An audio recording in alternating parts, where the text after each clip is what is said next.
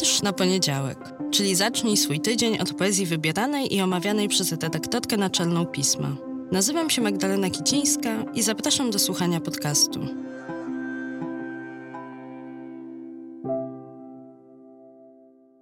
Cześć, dzień dobry, dobry wieczór.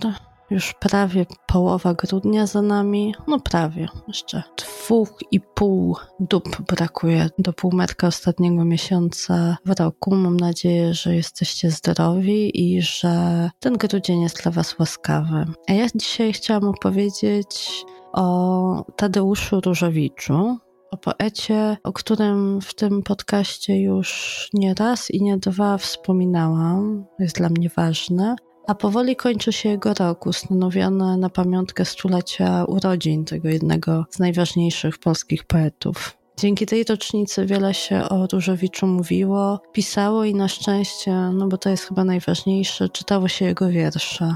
Cieszę się bardzo, że wrócił do głównego nurtu życia literackiego, kulturalnego i bardzo bym chciała, żeby w nim pozostał również w kolejnych latach, żeby ten rok nie był rytualną okazją do przypomnienia o wielkim poecie, że Tadeusz Różewicz wielkim poetą był i kropka, tylko żeby to był wielokropek, żebyśmy wracali do tej poezji, sięgali po nią, korzystali z niej też do wyjaśniania sobie rzeczywistości tu i teraz, tej rzeczywistości przez duże R i przez małe, bo Różewicz jest poetą obu tych tonacji. Jest poetą, autorem poezji wielkich spraw, uniwersalnych tematów, ale też poetą obrazów małej codzienności, tak bym to chyba określiła.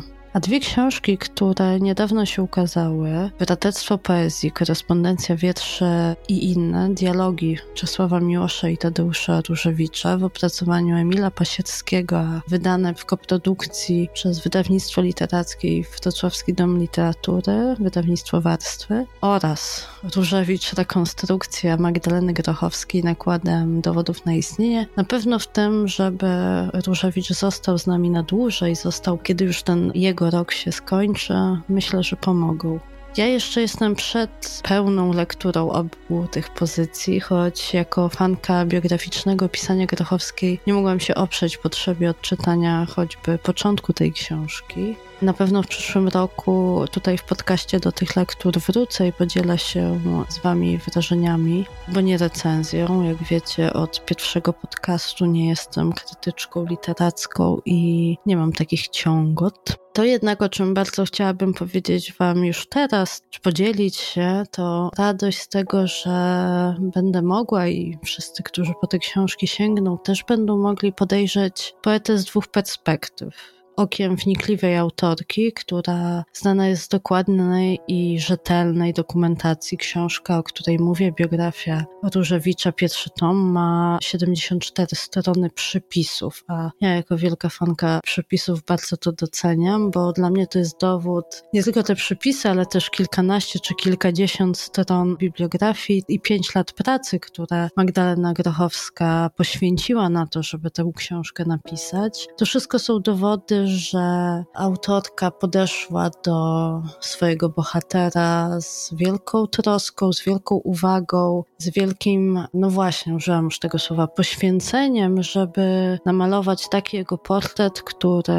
będzie portretem pogłębionym, analitycznym, ale też nie pozbawionym swoistej czułości, którą Grochowska dla bohaterów, o których pisze, ma. I ta czułość nie ma nic wspólnego z nierzetelnością, ona nie subiektywizuje stosunku autorki do bohatera. To nie jest tak, że z powodu tej czułości ona coś pomija, czy z jakichś wątków rezygnuje. Chodzi mi raczej o samą perspektywę, punkt wyjścia, z którego zaczyna. A obok tej książki też ta druga, chyba czytana, powinna być również nomen omen w dialogu, tak jak dialog pojawia się w tytule, bo dokumentacja korespondencji Czesława Miłosza z Różewiczem, bo wymieniali te listy przez wiele lat, wydaje mi się równie ciekawą pozycją. Ja jako miłośniczka reportażu historycznego uwielbiam zaglądanie do dokumentów, do archiwów, chociaż niekiedy wiąże się to z wyrzutami sumienia, bo zaglądając do archiwów, czy to bezpośrednio, czy pośrednio dzięki takim publikacjom, przyglądamy się w końcu w jakiś sposób komuś, kto nie wyraził zgody na bycie podglądanym.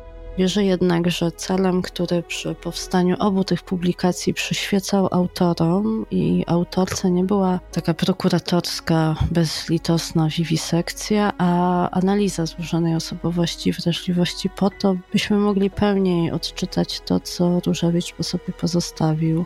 Ja myślę sobie wciąż nie dość dobrze poznałam jego twórczość. Mam do niej ogromny sentyment. Już chyba tutaj mówiłam, że pisałam maturę analizując jeden z jego wierszy, ale przede wszystkim mam sobie ogromny szacunek dla jego poetyckiego uniwersum, bo tak patrzę na jego twórczość, która jest bardzo bogata, a która wydaje mi się zupełnie odporna na próbę czasu. Jego upływ nijak nie umniejsza ani wartości, ani trafności obrazów, które w sobie zawiera. A żeby Was zachęcić do zapoznania się z poezją Różewicza, ale i z dwoma pozycjami, przeczytam Wam po fragmencie z obu tych książek, które dzięki wydawnictwom otrzymałam. Tak sięgam po to miszcze, które jest bardzo, bardzo ciężkie, ogromne, pięknie wydane. Różewicz, rekonstrukcja pierwsza. Z pierwszego rozdziału jakaś osa wlazła mi do wnętrza. Co będzie dalej? Odpowiadał wyraźnym pismem wprost na kartkach listu od dziennikarki. Lakonicznie, niemal bez skreśleń. Przyszłość jest umieszczona w teraźniejszości i w przeszłości. To taka genetyka historii. Nazwała go Mickiewiczem naszych czasów. Jestem tylko Różewiczem naszych czasów. Od góry. Poezja nie ma przyszłości.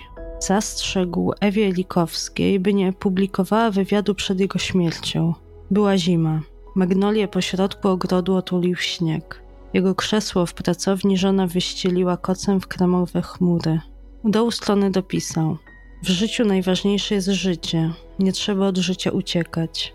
Zostały mu jeszcze trzy łagodne zimy. Saloniku na obrazach Nowosielskiego święci trwali nieruchomo z podniesionym palcem, jakby za chwilę mieli wypowiedzieć prawdę ostateczną. Zaciskali wąskie wargi. Dom wiedział, że poeta żąda ciszy. Siedział przy biurku, marynatkę powiesił na oparciu krzesła. Gdy spojrzał w prawo, widział siebie celującego, z fotografii na komodzie, palcem prosto w obiektyw, prosto w źrenicę patrzącego. Oczy skrył za okularami. Uśmiechał się chłopięco, jakby przed chwilą psocił, choć na tym zdjęciu miał już swoje lata. Wysuwał dłoń z kadru i nadziewał na palec ciszę w pokoju, ogród z magnolią, ulice i miasto, świat i ludzkość, Boga i diabła i mnie, stojącą twarzą w twarz z poetą, rok po jego śmierci. No i ja bym się już zaczytała dalej, chociaż pierwszy tom już przeczytałam, pierwszy tom, pierwszy rozdział tej książki już przeczytałam. Mam nadzieję, że Was zachęciłam do tego, żeby po tę książkę sięgnąć. A ja teraz sięgam i trochę szeleszczę Kubie po drugi tom, pięknie również wydane, czyli Czesław Miłosz Tadeusz Różewicz, Braterstwo Poezji. I tutaj wybrałam dla Was po jednym wierszu, jeden od Miłosza, drugi od Różewicza, bo poeci poza tym, że dialogowali ze sobą listami, udzielali wspólnych wywiadów, to dialogowali też poezją. Pisali wiersze dla siebie. I tak w 1996 roku Czesław Miłosz tak pisał o czy do Tadeusza Różewicza. Przywitałem go w 1948 roku i miałem rację. Znalazł swój sposób, a to bardzo dużo. Jednak zawsze czytałem go polemicznie. Opisywał nędzę XX wieku, jego czystością był gniew, a naprawdę żal po utraconym przymierzu człowieka i Boga. Chciałem zapytać, jakie znowu przymierze? Teraz na przykład widzę sejmik w uszaczu, antały trunków, łby podgolone, barokowe kościoły w głębokim perezewczu i ani śladu błogosławieństwa. Wieki bełkotu. Co to za utopia minionego czasu? Idealizacja świec i kopcących lamp. Rzezi, wbijania na pal, dlatego tylko, że dawno? Może jednak za poważnie wziął Różewicz śmierć Boga, to mówię ja, spadkobierca podgolonych łbów, wąsów, perot na sejmiku, przy antałkach okowity. Za mną stulecia bełkotu. A tak pisał Różewicz Czesławowi Miłoszowi. Wiersz pod tytułem Poeta Emeritus. Siada na ławce, zdejmuje okulary, zamyka oczy, przeciera okulary, otwiera gazetę, rozgląda się po świecie, składa gazetę, wstaje. Traci równowagę, podpiera się laską, czyta napisy na oparciu ławki. Idzie, mówi do siebie, rozmawia z umarłymi poetami.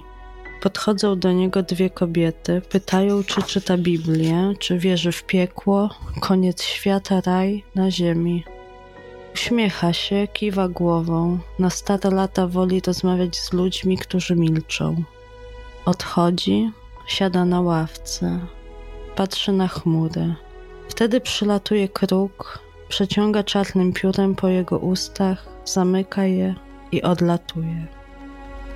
Taki wiersz Różewicza do Miłosza, o Miłoszu, o jego poezji i Miłosza o Różewiczu, do Różewicza, o jego poezji jest w tej książce więcej. Ja wybrałam dwa, które poeci napisali w tym samym roku, w 96.